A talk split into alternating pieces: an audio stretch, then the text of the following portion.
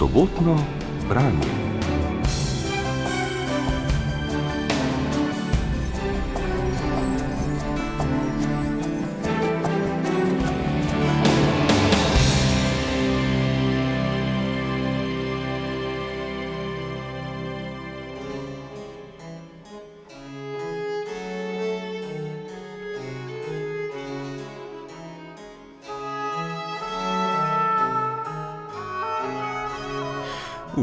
Tokratnem sobotnem branju bomo, spoštovane poslušalke in cenjeni poslušalci, spregovorili o delu, ki je luč sveta ugledalo lanskega oktobra, se že mesec dni pozneje prebilo na drugo mesto lestvice najbolje prodajanih knjig v Združenih državah.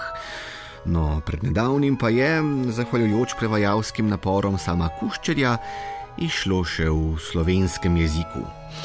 Opravka imamo skratka s pravo pravcato mednarodno uspešnico, pa vendar to ni, kakor bi ne mara pričakovali, kak priročnik za osebnostno rast, knjiga kuharskih receptov ali napeta detektivka. Ne, knjiga, med katere platnice bomo danes pokukali, je pravzaprav resna znanstvena razprava, ki sta jo kar deset let pisala zdaj že pokojni ameriški antropolog David Graeber ter britanski arheolog David Wengrow. Nadela sta ji naslov Pričetek vsega, v njej pa sta skušala na nov, svež, presenetljiv, pogosto tudi kritično polemičen način povedati zgodbo o tem, kako so v političnem, ekonomskem, tehnološkem in kulturnem smislu živeli naši kamenodobni predniki.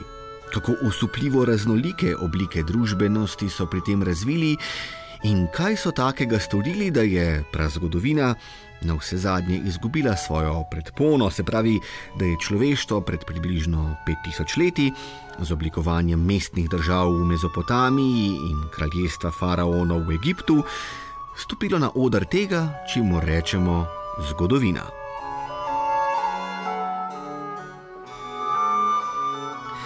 Tema, ki se je v začetku vsega lotevata Graeber in Wengrow, je gotovo zanimiva. Velik prodajni uspeh njune knjige nas sooča vsaj z dvema intrigantnima vprašanjima.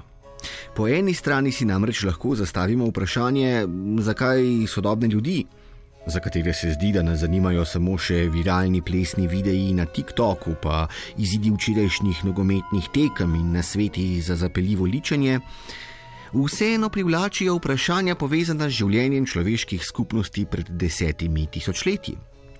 No, po drugi plati pa se tudi lahko vprašamo, ali izjemen prodajni uspeh pričetka vsega razkriva, da Graeber in Wengrow pravzaprav nista avtorja preveč resne razprave, temveč sta spisala nekaj tako poljudnega in popreproščenega, da resnim bravkam in bravcem njune knjige sploh ni treba jemati v roke.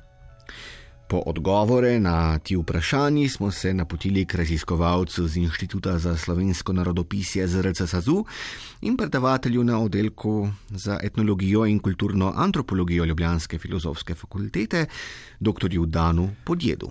Antropologija je potrebovala uspešnico, ki je že dolgo nismo imeli. Zanimivo je, da so drugi avtori in avtorice pisali uspešnice z področja antropologije, ampak niso bili po izobrazbi antropologinje oziroma antropologi.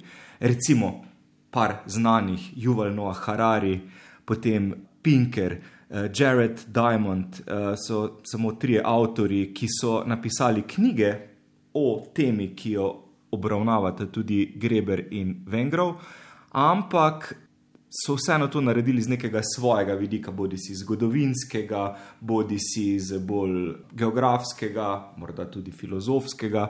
Um, zdaj pa smo dobili prvo knjigo, pravzaprav po uspešnici Margaret Mead, Coming of Age in Samoa, torej odraščanje na Samoji, ki je. Prišla res med tiste najbolj brane knjige. Mislim, da se je celo med knjige New York Timesa uvrstila kot ena izmed desetih najbolj branih, najbolj zanimivih knjig.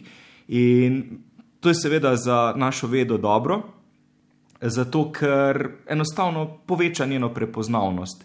Torej, doslej recimo je, um, so bile uspešnice, kakršne je pisal recimo Richard Dawkins je napisal na tako uspešnico že pred časom, tam sredi 70-ih let, z naslovom Sebični gen. In tudi to je bila v bistvu knjiga o človeku, vsaj tisto zadnje poglavje Dawkinsovo je pisal o tem, zakaj smo sebični in je zelo dobro takrat sodla v to tudi neoliberalno okolje 70-ih let in pojasnevala tudi podjetjem, zakaj morajo ravnati sebično, zakaj smo ljudje taki. Seveda so potem raziskave in drugi avtori pokazali, da to ne drži, da ljudje in tudi naši geni niso sebični sami po sebi, eh, kvečemu nasprotno, ampak ta uspešnica je povečala zanimanje za biologijo. Stephen Hawking je napisal knjigo Kratka zgodovina časa in z njo zaslovel, z njo postal verjetno najbolj branjen fizik in na ta način pomagal zbuditi zanimanje za fiziko, astronomijo, matematiko, naravoslovje. In jaz gledam na Greberja in Vengrova, torej antropologa in arheologa, predvsem z tega vidika, kaj sta naredila v narekovajih za našo blagovno znamko povečala njeno prepoznavnost. In jaz mislim, da je to v tem času, ko živimo v preobilju informacij, ko ne vemo, kdo ponuja odgovor na tisto ključno vprašanje, kdo smo, odkot smo prišli in kam gremo, izjemen dosežek. K temu pa je dr. Podjet še dodal. Ko sem omenil to vprašanje, kdo smo, odkot smo prišli in kam gremo, zelo zanimivo, da je tudi o, točno o tej temi razpravljal neki drugi avtor, v ravno tako v knjižni uspešnici, ampak uh, z področja leposlovja oziroma beletristike, namreč Dan Brown v knjigi Izvor in se posveča enakemu vprašanju, kdo smo, odkot smo prišli in kam gremo. In očitno je to ljudem še vedno ključno in izjemno zanimivo vprašanje. Se na isto vprašanje odgovarja tudi Harari v knjigah Sapiens, potem Homo Deus in se posvečal točno tej temi. Ampak bistveno je, da imata Greber in Vengrov s svojim pristopom, tudi s svojim res globokim virom znanja, v bistvu bistveno večjo težo. Zato mislim, da je to knjiga, ki je predvsej bolj prevagala v tej popularni znanosti na stran znanosti in manj na stran popularnosti. Še vedno pa je, da se razumemo, izjemno berljiva. In prav to jaz mislim, da je njena ključna vrednost.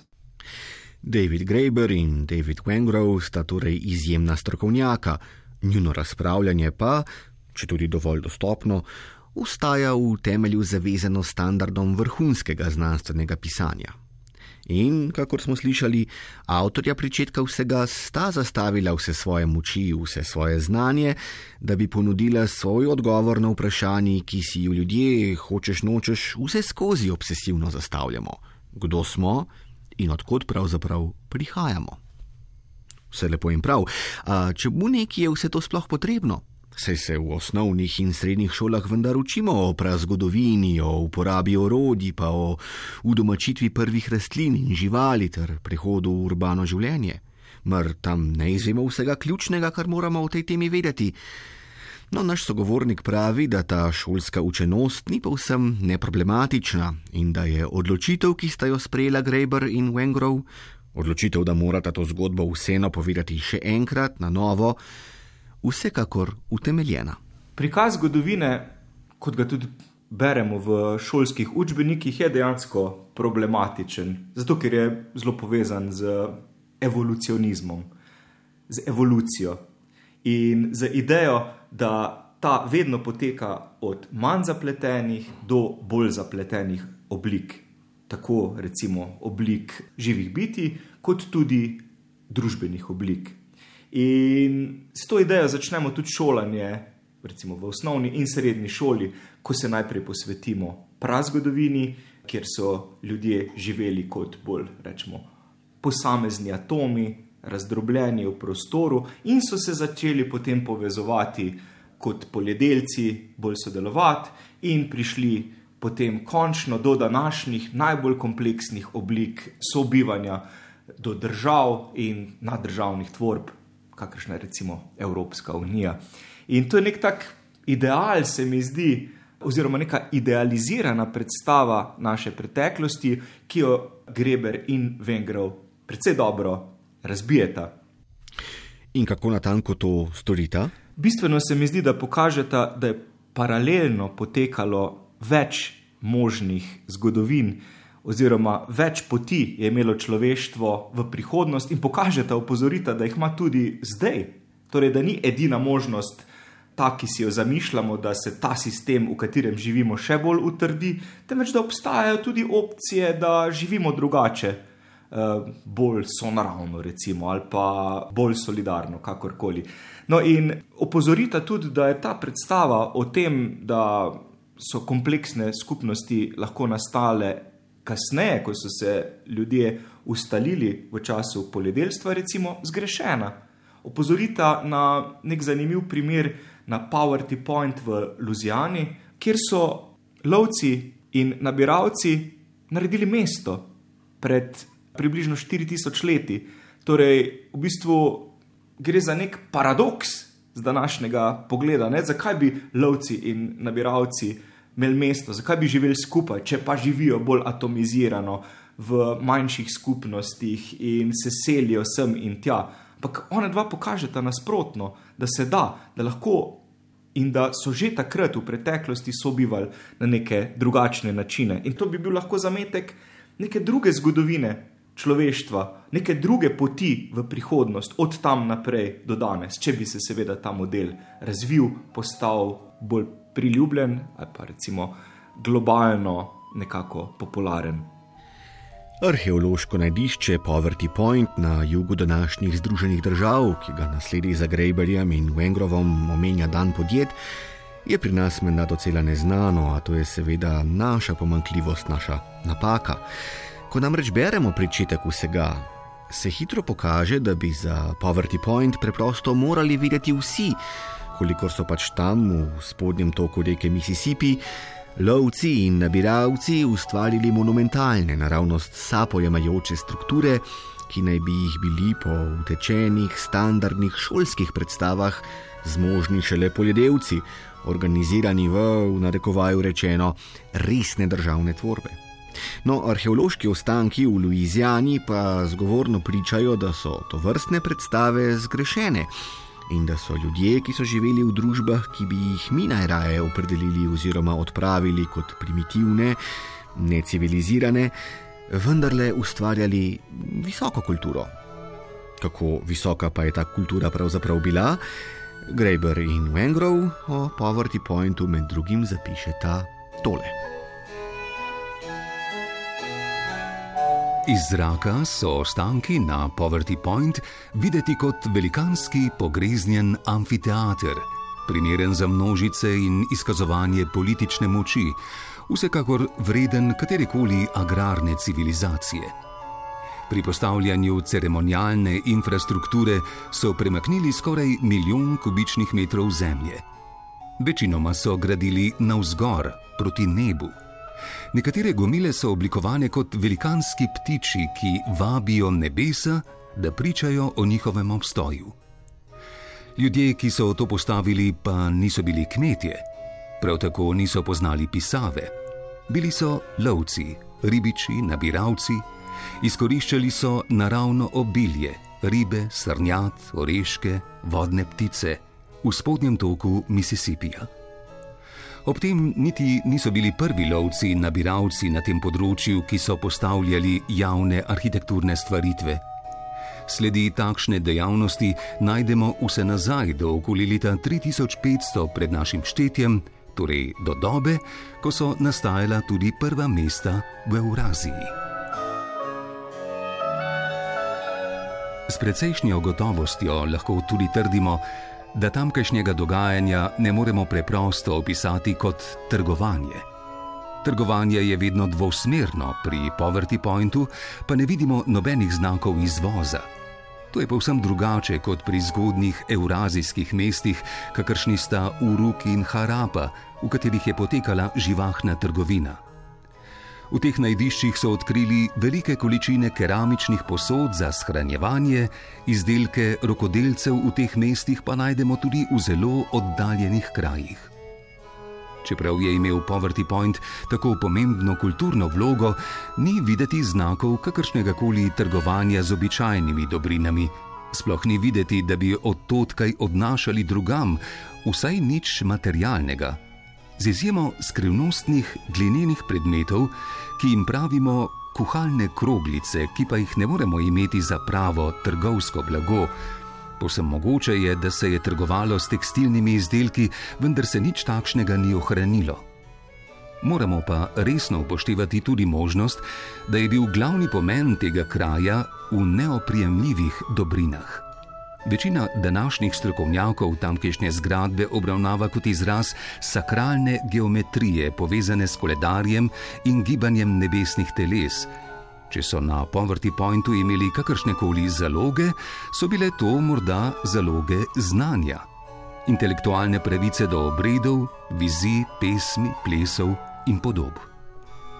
Podrobnosti ne moremo spoznati, ni pa zgolj ugibanje, če rečemo, da so si ti pradavni lovci in nabiralci na zelo velikem področju nad vse urejeno izmenjevali kompleksne informacije.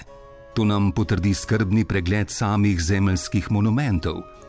Po vsej prostrani dolini velike reke Mississippi in še precej daleč proč vidimo še druga, manjša najdišča iz istega obdobja.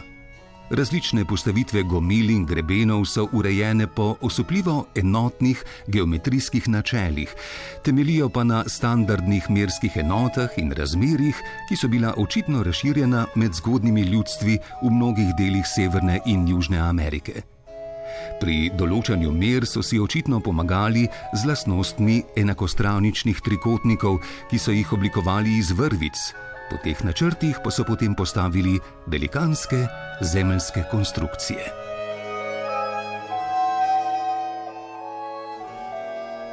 Ko beremo o monumentalnih gomilah, ki spominjajo na orjaške ptice, pa o dobrem poznavanju koncepta enakostraničnega trikotnika, brez česar bi gradnja tovrstnih struktur sploh ne bila možna, je jasno, da so bili lovci in nabiralci precej bolj sofisticirani, kakor smo načeloma pripravljeni verjeti. A to ni edini presenetljivi uvid, ki se nam ponuja ob branju pričetka vsega. Tu je vsaj še ugotovitev, da ljudje v kameni dobi, povsem sodeč, sploh niso živeli v bedi in pomankanju. Dan podjet. Kar pokaže ta Greber in Vengrov, je v bistvu nadaljevanje neke knjige, ki je bila tudi v bistvu rečemo, dokaj uspešnica v antropologiji in tudi izven nje, namreč knjige Maršala Salinsa, Ekonomika kamene dobe, ki je išla pred časom tudi v slovenskem prevodu. In v njej pove uh, Salins nekaj zelo zanimivega. Namreč, da imamo popolnoma zgrešeno predstavo o tem, kako bedno, klavrno življenje so imeli naši kamenodobni predniki. Um, na podlagi današnjih etnografskih opazovanj, pri ljudstvih v podsaharskem območju, Salins ugotovi, da so naši kamenodobni predniki, pač lovci, nabiralci, živeli mogoče bistveno bolje, kot živimo mi danes. Da so delali 3 do 5 ur dnevno v povprečju, da so imeli bistveno več prostega časa, kljub temu, da so lovili, nabirali, kuhali hrano, da so se lahko potem posvečali, ne vem, da so spali več, da so ustvarjali kakšne umetnine, poslikave, ustvarjali na jamskih stenah, da so peli, igrali, se zabavali, se posvečali drug drugemu, spolnosti, da so skratka živeli mogoče bolje. In zato se lahko spet vprašamo, kaj pa če je ta naša evolucija. Pot, po kateri smo prišli v bistvu za bloda, kaj pa če smo mi tu naredili neko napako in bi si lahko izbrali neko boljšo pot, zaradi katere bi delali mogoče manj, pa bi živeli mogoče materialno nekoliko bolj skromno, ampak bi bili pa bolj zadovoljni. In ta vprašanja si v bistvu zastavljata Greber in Vengrov. Kako smo prišli sem za vraga, kaj se je zgodilo po poti, da delamo bistveno več kot 8 ur dnevno, da smo recimo večino budnega časa v zaprtih prostorih. Raziskave kažejo, da v zaprtih prostorih preživi današnji Homo sapiens 93 odstotkov časa. Um, zakaj preživimo pred ekrani 8 do 9 ur dnevno danes? Zakaj postajamo vse bolj tlačani nekega novega sistema, ki se kaže na obzorju, torej digitalnega feudalizma. Zakaj se vračamo na nek način v bistvu nazaj, če gledamo povsem evolucijsko na ta proces? Zakaj smo postali bitja, ki večino časa presedijo ali pa preležijo? Zakaj smo postali bitja, ki so skoraj da podobna koralam, ki vse čas tičijo nekako pri miru, se ne premikajo. Mislim, kaj pa če to ni več evolucija, ampak je devolucija, kar se dogaja zdaj človeku? Kaj pa če gremo dejansko nazaj? Vse to pa seveda pomeni, da pričetek vsega ni samo znanstveno suhoparen opis življenja pred pet in več tisoč leti, temveč je obenem tudi knjiga, ki nas vabi k kritičnemu soočanju z našo lastno sedanjostjo in njenimi ideološkimi samoumevnostmi. V tem smislu naš sogovornik pravi, da ob branju Greberja in Wengrova ugotoviš, da z antropološkim pogledom na preteklost si lahko zamišljaš tudi prihodnosti, ki so bistveno različne od te, ki jo živimo danes. Seveda se strinjam z nekaterimi kritiki, ki tudi pravijo, da sta Greber in Wengrov preveč špekulativno zastavila v svojih zgodbah to, kaj se nam je dogajalo nekoč. Ampak, če bi pripravila knjigo na kakršen koli drug način, mislim, da ne bi bila tako berljiva. Zakaj je pomembna? Ker predstavi res zgodovino človeštva. Torej, naš problem v antropologiji je, da gremo pogosto na neko lokacijo, recimo tako kot je šel Bronislav Malinovski na Trobrijanske otoke v času Prve svetovne vojne, tam obtičal za nekaj let in raziskoval lokalno skupnost, lokalne navade, ugotovil, zakaj si tam domačini izmenjujejo zapestnice in ogrlice med otoki, vali in sulava, kaj je ta uh, proces izmenjave, ki se mu reče kula, in potem na to temo napisal krasno knjigo Argonauti Zahodnega Pacifika, tudi ena od izjemno branih antropoloških knjig ki je seveda pomembna še danes, ampak še vedno govori zgolj o enem koščku sveta. Ljudje pa bi radi tisti splošen odgovor, kam gremo kot človeštvo in odkot smo prišli. In to je, mislim, da glavna moč Greberja in Vengrova. In še enkrat, v primerjavi z Hararijem, z Pinkerjem, z Diamondom, jaz mislim, da sta opravila bistveno boljše delo in postavila antropologijo in arheologijo v bistveno boljšo luč. Dan podjet ugotavlja, da se nam ob branju pričetka vsega odpira prav posebna perspektiva, s katero je mogoče ozreti zgodovino človeštva kot celote. V času, ko se zdi, da nas politika, ekonomija in kultura skušajo vsaka na svoj način razdeliti na države, razrede in identitetne skupnosti, med katerimi ni nobenih skupnih imenovalcev, je pisanje Grejbarja in Vengrova torej še prav posebej dragoceno.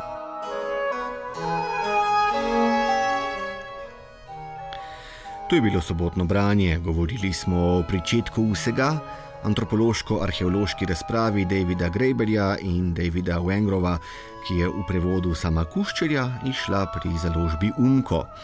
Gost pred našim mikrofonom je bil antropolog dr. Dan Podjet. Odlomek iz knjige je prebral Igor Velše.